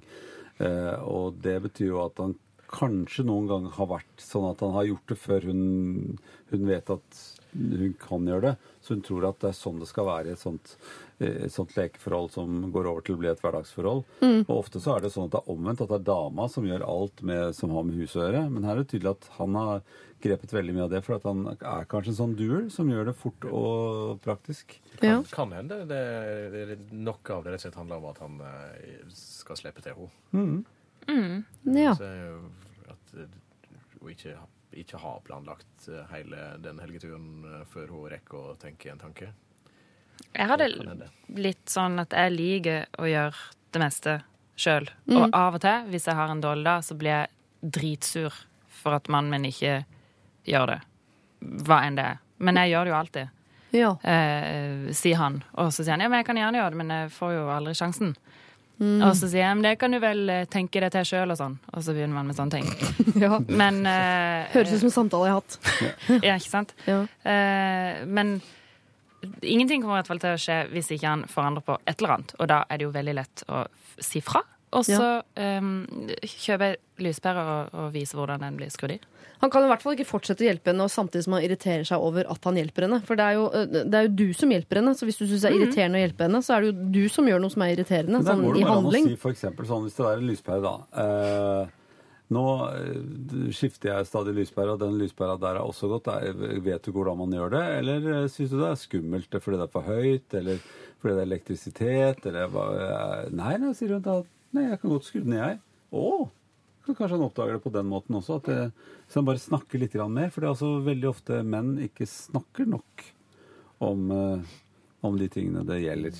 Og ikke bruk hinting eller som kommunikasjon her. At du Nei. bare lar være å skifte pæra for å sjekke hvor lang tid det tar før hun skifter pære. Sånn. altså, ta eller påpek. Den pæra der syns jeg du skal skifte. Mm. Og se om hun faktisk gjør det. A little more conversation, a little less action. Lørdagsrådet på P3. Donkeyboy fikk vi der med sin eh, Cityboy, og det er altså nå vi skal eh, Fire voksne mennesker skal sammen gå inn i uh, russetida. Er dere klare for det, dagens rådgivere? Alltid. Ja, ja, ja, Hei, jeg og min tidligere bestevenn har vært sammen som erteris hele oppveksten, helt til og med ungdomsskolen. Da begynte vi på forskjellige skoler, og jeg fikk meg flere nye venner. Hun derimot har ikke fått seg noen nevneverdig gode venner. Og det er ofte blitt jeg som har eh, sett meg nødt til å invitere henne med på ting og sørge for at hun har et sosialt liv. Hun har alltid vært litt vanskelig å ha med å gjøre. Altså litt barnslig og upassende og til tider direkte uhøflig. Med andre ord så har hun ikke blitt så godt tatt imot blant mine nye venner, noe jeg jo forstår. De siste åra har jeg tatt henne med på de viktige arrangementene, som f.eks. 17. mai-feiring, nyttårsaften og denne typen ting. Og for jeg har ikke hjerte til at hun skal sitte igjen alene. Foreldrene hennes er i tillegg veldig gode venner med mine foreldre, og det kan raskt bli et stort problem som involverer langt flere dersom hun ikke får være med. Det skal også nevnes at hun er av typen som spør om hun kan få være med, og det er jo positivt, for da eh, tvinger hun seg selv ut i det. Men det oppleves som ganske slitsomt for meg og mine venner. Hun er en festbrems, både med og uten alkohol, og flere er lei av å være veldedighetsvenn med henne. Nå som jeg er russ, eh, blir det ekstra vanskelig. Jeg blir jo nødt til å inkludere henne i noen av mine planer i russetiden. Det er jo tross alt uendelig trist for en ungdom å ikke skulle være med når alle har sitt livs party alle andre steder. Men i hvilken grad Holder det å si at jeg skal hjelpe henne litt i gang, eller bør jeg invitere henne på vorspiel, osv.? På forhånd tusen takk for at du tar om problemet i Lørdagsrådet. Hilsen en litt sliten russ, som også eh, poengterer at hun har ikke noe russebuss. Det er faktisk et litt viktig poeng. Ja, fint poeng. Ja, mm. Ja, hun, hun, denne venninna har ikke en russebuss. Ingen av Ingen av dem har russebuss. Nei, sant? Så han kan ikke si 'sorry, jeg har russebuss, og vi, det er vi Nei. som har spleisa, og du er ikke med'-aktig. Så eh, de, de må fel i fellesskap komme seg hit og dit. Invitere opp på vorspiel og så bare gå. Dårlig løsning. Men skjønner dere at det er vanskelig? Fordi hun, dette er jo hennes barndomsvenninne. Ja. Hun er litt fanget mellom eh, barndomsvenninnen sin og den nye gjengen. Og Men hvis, hun, hun sier jo at hun er ufordragelig og frekk og sånn. Ja, Nei, ufordragelig sa hun ikke, men upassende og til tider uhøflig. eh, tider. uhøflig. Høflig. Ja. Ja. Det, er- det, det er jo det samme. Ja, men jeg tipper at hun er jo glad i venninnen sin, men hun ser at hun er det mot de andre. Og... Jo, men, men det er jo en sånn ting man kan snakke om. Eh, Altså at det hadde vært lettere for oss å være sammen hvis Hvis de andre hadde likt deg? Ja. Ja. Eh, hvis du hadde vært litt hyggelig og imøtekommende når Ja. du møtte vennene mine. For det er jo hyggelig gjort da å, ta med, Ja. syns jeg. Ja. Eh, altså Innsendere syns jeg jo egentlig har eh, altså, Virker utrolig grei, som i det hele tatt liksom har giddet såpass lenge. Det er det ikke alle som gjør. Men skal eh, altså, Rustia hennes blir jo litt kjedeligere, da. At hun skal drive og drasse på venninna si Men her er går det an å, å krysse ut noen veldedighetsdager sett fra hennes side. Ja. Kan du si at den der der, og den der der, og den der der kan hun få lov å være med på. Der skal jeg ordne at hun kan få være med. Mm. Resten må hun klare seg sjøl. Ja. Når det er, altså når det er russetid, så er det jo alltid eh, veldig mye folk Mm. eh, til stede på alle slags arrangement. Så da tenker jeg at da er det begrensa hvor stort problemet kan være. Ja, men det, det kan være veldig vanskelig, for noen ganger så har du med deg noen som er så avhengig av det hele tida. Ja, Og så er sånn, følger de det deg sånn at Hun, rundt. du har ikke snakka med noen andre, eller uh, hengt seg på venninna. og- Ja. Ja. ja, fordi det er noe med å ta det ansvaret som er sånn Ja, jeg inviterer deg med, du må gjerne bli med på det og det russetreffet og sånn, men hvis hun da eh, henger på som et slags sånn eh, litt voldsomt smykkeanheng eh, hele festen og resten av russetida, så skjønner jeg at det, det er veldig snilt gjort, men det ødelegger jo hennes russetid, da. Ja. Jeg tenker at det er alltid bra å være litt grei. Det skal man være. Um, om det er fordi at man føler at man kommer til himmelen for det, eller bare fordi at mm, det er greit å være grei. Det er jo det samme. Men Kjenner gjennom russetida. Det er jo ja, ikke å komme til himmelen, egentlig. for, Ja. for russen, i hvert fall. Ja. Um, men, men jeg syns det var lurt, det, å, å velge ut noen ting som, som hun kan ta henne med på. Eh, Og så skal vi ikke ha dårlig samvittighet for at det ikke blir mer enn det, tenker jeg. Nei. Nei, var grei nok. Ja. Fordi at uh, jenter sliter jo veldig ofte med at de er, må være, enten må du være grei alltid, eller så er det ikke noe greie, liksom. Men jeg syns det kan få lov å øve seg på passe doser ja, når du er på, på dette punktet her i alderen din. At eh, liksom Ja, nå har vi vært sammen pga. at vi har foreldre som er sammen, så har vi kjent henne hele tiden. Og hun er egentlig grei, hun er bare så klønete, eller altså Sånne venner har jo alle i deler av livet sitt. Ja. Og enten så blir de med videre, eller så detter de av og får seg noen andre venner. Ja. Og russetiden er jo en sånn ting hvor eh, man kan treffe andre venner. Eh, Så kanskje hun gjør det. Ja. Hun blir heng hengende ved en annen gjeng. Så det, jeg syns det er helt fint at hun, hun er, er på Hun fader litt grann det der ansvarsforholdet i forhold til denne venninnen. Kanskje det er litt lurt, for kanskje får hun ikke så mange nye venner heller, når hun bare er med denne ene vennen sin eh, som tar seg av henne hele tida. Kanskje er det er hun en liten fugl som skal Slippes If løs. Ja. Ikke Si sant? det på engelsk igjen. Hvordan var det du sa det forrige gang? Det, det var jo et helt annet problem. Ok. Ja. ja. Men det, var, eh, det er fint på someone, engelsk. Så let them fly. Set them free. Yes. Det er Sting som sier det. Blant, ja. Blant mange. kanskje, kanskje ikke først, men har nok sagt det, han Nei, også, men vil jeg er tro. en, dette er jo en jente som kanskje kommer til å klare seg eh, litt senere i livet, men kanskje foreløpig ikke har øvd så mye på denne flytingen. da. Ja. Det, er jo- det, er jo- det er jo etter russetida at du, du treffer dine egentlige Det er der du egentlig hører i lag med. Ja. Er jo er min og mange andres erfaring. Det er jo da du treffer folka dine. Så det kommer jo sikkert hun her med til å gjøre. Så høres det ut som hun venninna som er skrevet inn, kanskje har truffet noen av folka sine litt før. Ja. Og det er kanskje også grunnen til at hun ser annerledes på venninna. Hun skal ikke frikjenne hos innsenderen helt. Det kan hende det er hun som har blitt så påvirka av sine venner at hun plutselig syns at hun venninna som hun likte så veldig godt før, har blitt irriterende. Ja, for det er jeg litt redd for også. At du skal ikke jeg, Du kan godt være litt sånn uh, sterk oppi dette her, og ikke bare følge røkla som har bestemt seg for at denne veldedighetsbarndomsvenninnen din er så uhøflig og sånn. For du har jo vært hengt sammen som erteris i hele oppveksten. tenker at det må jo være noe du liker, og hvis du liker denne uh, jenta, så syns jeg at du skal stå for det også i din nye vennegjeng, selv om de har litt problemer med det. Men det, det vennskapet der, det må du tørre å stå for. Og det er selvfølgelig hvis det er tilfellet. Hvis det er tilfellet. Jo, jo. Men, og det er selvfølgelig vanskelig for denne venninnen å komme inn i det Hun har antakeligvis da mistet sin bestevenn, inn i en ny gjeng som ikke godtar henne helt, og skulle være kul oppi den suppa der. Det, tror, det, altså det er vanskelig. Mm. Hvis jeg, jeg, kommer inn er litt lei meg fordi jeg har mista bestevennen min, og hun står på dansegulvet sammen med de andre kule venninnene sine som hater meg, og skulle gå inn i den festen da og være liksom uh, kul og avslappa. Og hun er jo sikkert livredd og tyr til det som faller hennes mest naturlig. Uh, uhøflighet, for eksempel. Da. Mm.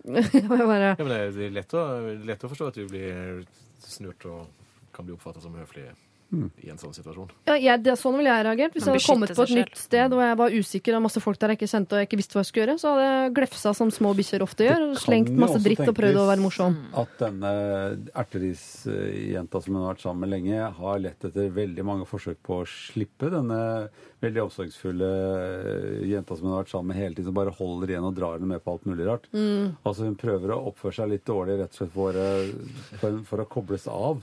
At hun egentlig kanskje har lyst til å være litt annen. Kanskje hun har lyst til å begynne med poncho eller bli indianer, eller altså rett og slett finne en utlending å være sammen med, eller altså lyst til å være litt sånn gøy og rampete, da. Ja. Ved, ved, ved 18-årsalderen, 19-årsalderen. Dette er jo tid for å prøve noe annet. Ja. Veldig mange muligheter her. Mm. Men dere syns at hun godt kan, eh, om ikke annet så for eh, å slå et slag for det gamle vennskapet, så syns jeg godt du kan ta litt vare på venninnen din i russetida også. I hvert fall ta henne med på noen treff. Det betyr ikke at du trenger å gå og bære på henne under armen som en, som en liten hund og sørge for at hun har det bra fra, eh, fra morgen til kveld, men å gi henne muligheten til å være med på det som du jo sier at er ditt livs party. Det syns jeg godt du kan gjøre. Og du kan godt også være litt raus når det virker som du er en person som er lettere for å få deg nye venninner enn barndomsvenninnen din. Så kan du godt bjuda på litt. Det syns jeg eh, det vennskapet er verdt. Og hvis du er sliten nå, sliten russ Lykke til. Ja, meld meg i slutten av mai. Dette blir, dette blir tøft. Såpass kan jeg si om russtida. P3 Lørdagsrådet på P3. Jungle med sin Busy Earning, og før det eh, Matoma og All Things Back, som vi hørte der. Vi skal ha et litt eh, kort problem nå på tampen, eh, dere, som handler jo til en viss grad om kjærlighet, men litt politikk også, faktisk, for her står det. Eh, jeg elsker eh, Altså, mannen min er veldig høyre. Han stemmer Frp. Jeg har, forstå, øh, jeg har forsøkt å få han til å forstå sosialdemokrati, men han står på sitt. Vel, vel. Jeg vet ikke hvordan jeg skal leve med dette. Spørsmålet er hvordan kan man leve med den man elsker, når man har så forskjellig syn på livet? Med vennlig hilsen Krabaten. Krabaten. Krabaten ja. For det første, jeg ville, jeg ville skifta navn. Ja, det hadde jeg også gjort. Ja, men det er, det er jo litt Romeo og Julie, dette her. Altså En Frp-er og en SV-er skal uh, prøve å uh, danne regjering sammen. Altså, er det håp? Det er ikke danne regjering, men altså, det, altså forskjellen på politisk standpunkt og holdning til folk og livet, det kan jo være forskjellige ting. Ja. For jeg har hørt om, om Ap-folk som har vært sammen med Høyre-folk. Når Frp og SV-aktig, det mm. begynner å sprike litt, kanskje. Ja. SV jeg tror ikke var sosialdemokrat. Ja, men for å sette det på spissen, da. Ja. Ja.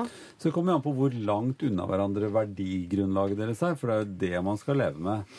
Altså, hvis du ikke er, hvis du ikke er en som syns at man skal dele, og syns at at eh, markedskreftene kan få lov å leke som de vil og sånt. Og da, da har man jo forskjellig holdning til de ja. tingene. Med fordeling av, av, av, ting. Og da kanskje man bør diskutere det, da. Det kan, kan godt tenkes at han også er en slags villfaren Frp-folk-mann, og hun er en villfaren eh, sosialdemokrat. Man vet ikke. Kanskje de ikke egentlig er den de tror de er, fordi de bare har vokst opp forskjellige steder. Kanskje de kan møtes på midten, og i så fall hvilket parti skulle det blitt? På ja, Venstre alltid i midten. Alltid, midten. alltid med på, ja. Møtes der. Det hørtes vanskelig ut å leve med en Frp-er. Er det lov å si det på radioen? Ja, ja, ja. Du sa det akkurat. Jeg sa det, Ja. og det står jeg for. Så, så jeg forstår frustrasjonen. Men det er det kommer, det kommer på uh, Unnskyld, men det kommer på uh, ja, det, er jo, det er jo menneskesyn og syn på sånne ting som de skal gjøre uh, i fellesskap, som er avgjørende. Og jeg, tror jo det går an å være en, en, en skikkelig grei kar og en skikkelig grei dame og stemme på hva som helst slags parti som sitter på det norske Stortinget. Eh, men det går også an å være det stikk motsatte. Men jo, du må finne ut av hva står du i litt sånne store, viktige spørsmål. Eh, menneskesyn, mm. barneoppdragelse, mm. sånne ting. Mm. Og de som, de som, da stemmer Frp, er ikke nødvendigvis enig med Frp i alt. Nettopp det. Og på samme måte de som da stemmer SV, er ikke nødvendigvis enig i SV i alt. Men de har plukket det partiet som da de syns har en finest bukett for det de står for. Og ofte så er det bare et, eh, en ting som kan forandre seg også. Men det grunnsynet som Are sier, altså ligger til grunn for, for hva jeg syns vi som mennesker skal drive med, og hvordan vi skal drive med det, det mm. er jo mye viktigere. Ja, jeg tenker eh, når folk av forskjellig kjønn klarer å leve sammen ja. så, ja, men Da syns jeg man skal klare å leve sammen med forskjellige eh, parti også. Forskjellige religioner. Altså, det er jo eh, veldig mange forskjellige folk som, mm. som altså, bor sammen. Ikke, unnskyld. Aktiv i, i, i Frp. Det, det, er jo en, en forskjell. For da, da nå, nå, var jeg veldig negativ uh, mot Frp, men det syns jeg at noen kan koste på seg å være. Ja, ja, ja. Eh, her, Gjerne. I, I denne gjengen av konfliktsky Det er bedre at du er det enn vi som på en måte er i større grad forbundet med NRK. Fordi da, det er da det begynner å bli vanskelig. Ja, nei, ja. men da kan jeg godt gjøre det. Ja. Uh, men, så det syns jeg jo er positivt, ja. at, at, han ikke er det. For da er han sikkert til å snakke til fornuft på, på disse store viktige områdene i livet. Jeg tenker eh, Antageligvis er innsender ganske ung og er litt sånn um, som henger seg opp i dette her. Ah, du stemmer Frp, og jeg stemmer SV, og har hengt seg veldig opp i det. Men jeg er helt enig hvis vi klarer å zoome litt ut og se hva har dette å si for hvilke, uh, av, altså hvilke, hva vi bestemmer oss for ellers i livet? For hvis det er sånn at det gjennomsyrer at hver gang hun får lønna si, så deler hun med alle husstanden, mens når han får lønna si, så beholder han den skal bruke bare på seg sjøl. Da, da, blir det jo en følgefeil. på en måte. Da, mm. da blir jo det skeivt på andre områder. Hvis det mm. bare merkes den ene gangen uh, annethvert år hvor man skal gå og, uh, til stemmeurnene, så er det jo ikke så er det jo ikke så farlig. Ja, som sagt så, så, tror jeg kanskje også det, hva man mener politisk, kan farges veldig av hvor man er i livet, og hva man er opptatt av for tiden. Ja. Hvis han er på en arbeidsplass og, og det er noen type konflikter med, med f.eks. folk fra andre land som har, kommer inn og har mye av, av, av, jobber som han har, og så blir han veldig oppbrakt av det og tenker at hæ, hvem er det som, som, gjør noe med dette her? Og for tiden kan det, med de brillene han har, se ut kanskje som det er akkurat Frp som gjør noe med dette her, mener mm. og sier noe høyt. Eh, og så hvis han, kommer, hvis han er i snakkemodus, så kanskje, han ikke mener akkurat det på en del av de andre områdene som Frp holder på med. Og henne når det gjelder SV. Det kan bare være en type snillisme som gjør at jeg skal være så grei å være SV-dame, liksom. Og hvis man går inn i det, så kanskje ikke ikke er enig i alt i SV heller. Så det er bare prøver å milde det litt grann, i forhold til at det er så viktig for forholdet deres. Ja. Jeg har så langt i min uh, karriere som uh, velger mm. uh, altså stemt tre forskjellige partier. Mm. Så man vingler jo ganske mm. mye, i hvert fall i begynnelsen der. Jeg tenker, Så har du gått på folkehøyskole og ble sosialdemokrat. altså, det, ting skjer, på en måte. Så jeg tror ikke du skal være så veldig opphengt i akkurat hvilket parti man, man stemmer. Men vær litt mer opptatt av i, i hvilken grad det farger han sånn ellers på hvordan type fyr han er. Vær litt mer opptatt av det, kjære krabat. Vi skal hvert øyeblikk eh, dele ut eh, en eh, kopp. Lørdagsrådet-koppen til den av dere som sendte inn det problemet som på en eller annen måte har beveget dagens rådgivere på mest. Det gjør vi rett etter at vi har hørt litt musikk. Lørdagsrådet på P3. P3. Ok, dere, vi skal dele ut eh, denne koppen. Har dere sett hvordan den ser ut? Det er den jeg drikker kaffe av i dag. Mm. Fin. Ja, eh, Den er god å holde i, for den er, altså, du blir ikke varm. For det er gummi nederst. Mm. Den er det én som skal eh, få lov til å få i posten etter dagens sending. Og dere bestemmer hvem. Dere må bli enige for første gang i dag. Enten så gir vi det til gutten som mener at dama er tyv. Hun skal alltid smake på yoghurtnøttene i butikken. Han mener det er tyveri, hun mener det er å smake. Og så har vi en eh, fyr som lider av en ting jeg aldri har hørt om før, nemlig at han har veldig dårlig luktesans. Han lukter nesten ingenting og er bekymret for om hvorvidt han lukter vondt eller godt. Og det hemmer han litt, blant annet på datingfronten. Så har vi en annen bekymra fyr. Han er mer bekymret for sin mor, som han lurer på om ikke kan ha falt i luksusfellen, all den tid han får masse inkassobrev og også brev fra politiet hjem til huset der han har blitt boende etter at hun flyttet til sin mann. Så har vi en jente som lurer på om hun er grusom. Hun er ikke lenger forelsket i mannen sin etter at han har vært eh, syk, og det har endret utseendet hans, og hun har hengt seg veldig opp i at han ikke er den vakre mannen han var eh, for fire år siden da de traff hverandre. Så har vi litt infantil kjærlighet. Altså en fyr som er litt oppgitt over dama som ikke får til noen ting. Hun trenger hjelp med eh, å finne fram til bygninger, skru lyspærer, steke egg har vi lagt til på lista der, selv om det aldri ble nevnt. Han vil at hun skal begynne å klare litt flere ting selv. En jente syns det er vanskelig å vite i hvor stor grad hun skal ta vare på sin eh, barndomsvenninne nå som de går inn i russetiden eh, sammen, da de jo egentlig ikke er i samme vennegjeng lenger. Og til slutt her, en Frp-er og en sosialdemokrat. Er det noe sjans for at det er ekte kjærlighet in the long run? Hvem fortjener kopp? Dette var mye dilemmas. Ja. Syns det var og det mange, skal vi, Hva skal vi velge? Skal vi velge de som er emosjonelle, eller det som vi merker at dette er et stort dilemma for dem, eller skal vi, Det er det velger dere også selv, vet du. Det er veldig vanskelig. Det er veldig åpent. Eller skal Ja. vi velge den som kan bruke denne koppen eh, som en inngang til å løse problemet? Ja, det er ofte en løsning. Eller er det veldig mange som velger å gå for det? Ja. Ja. Ja, det var vel ingen sånn tydelig som kan bruke koppen. De kan jo, de russejentene kan jo dele en kopp sprit i all vennskapelighet. i Eller veldig dyr te. Veldig dyr te. Det vil jeg anbefale. Definitivt. Jeg synes hun, hun, som, eh, hun, hadde, hun har det veldig vanskelig, hun som da er så opptatt av utseendet hos denne kjæresten sin. Hvordan skal de leve sammen? Det, det skjønner jeg. Ja. Det er mer generelt det paret som da sliter med at han gjør for mye, og hun, hun ikke gjør noen ting. Det, De trenger å få samme verdensoppfatning, i det minste. Og så trenger de kanskje litt forskjellige læringsprosjekter, begge de to. Én å slippe og én å gripe. Ja. Så, eh, det har jeg mest sans for, i den forstand at det er så allment. Ja, så du nominerer eh, infantil kjærlighets... Infantil kjærlighetsting, var det det het? Ja. Ja. Mm. og, og vanskelighetsgrad mener jeg kanskje eh, hun som da emosjonelt må se i øynene at hun ikke eh, har valgt denne mannen egentlig som hun var forelsket i. Ja. Dere, jeg, jeg, har, jeg har ikke noe jeg skulle ha sagt her, dessverre. Ingenting. Nei, Det er veldig sjelden jeg klarer det, men uh, i utgangspunktet skal jeg ikke ha noe jeg skulle ha sagt. Hva syns du, Charlotte? Jeg, jeg syns at uh, her var det så mange um, uh, uklare, litt sånne ulne greier, så jeg likte godt den, den første som, som handla om tyveri og sånn. For det var Ja. veldig lett sånn rett og galt, og jeg likte at han syntes at det var feil å stjele. Det var veldig litt lett å forholde seg til. Ja, Veldig tydelig moral. Ja, men jeg skal, ikke, jeg skal ikke si det og gjøre det vanskelig her, men, eh, men foreløpig kanskje Men den. kanskje eneste kan trenge koppen og ha litt sånne eh, yoghurtnøtter oppi. Og, og, Det er jo veldig lurt. Ja. Ja. Tenk han sitter med den eh, ved frokostbordet en dag og sier ah, 'Hvordan fikk du den koppen?' Så, mm, 'Artig historie'. så, så er problemet løst. Ja. Ja. Det kan være en løsning, Hva det. syns du da, Are? Det er bare for å gjøre det enda vanskeligere. Så den jeg har sånn mest, eh, mest sympati med, og er jo faktisk han eh, som har oppdaga at mora er i eh, Mm. økonomisk trøbbel.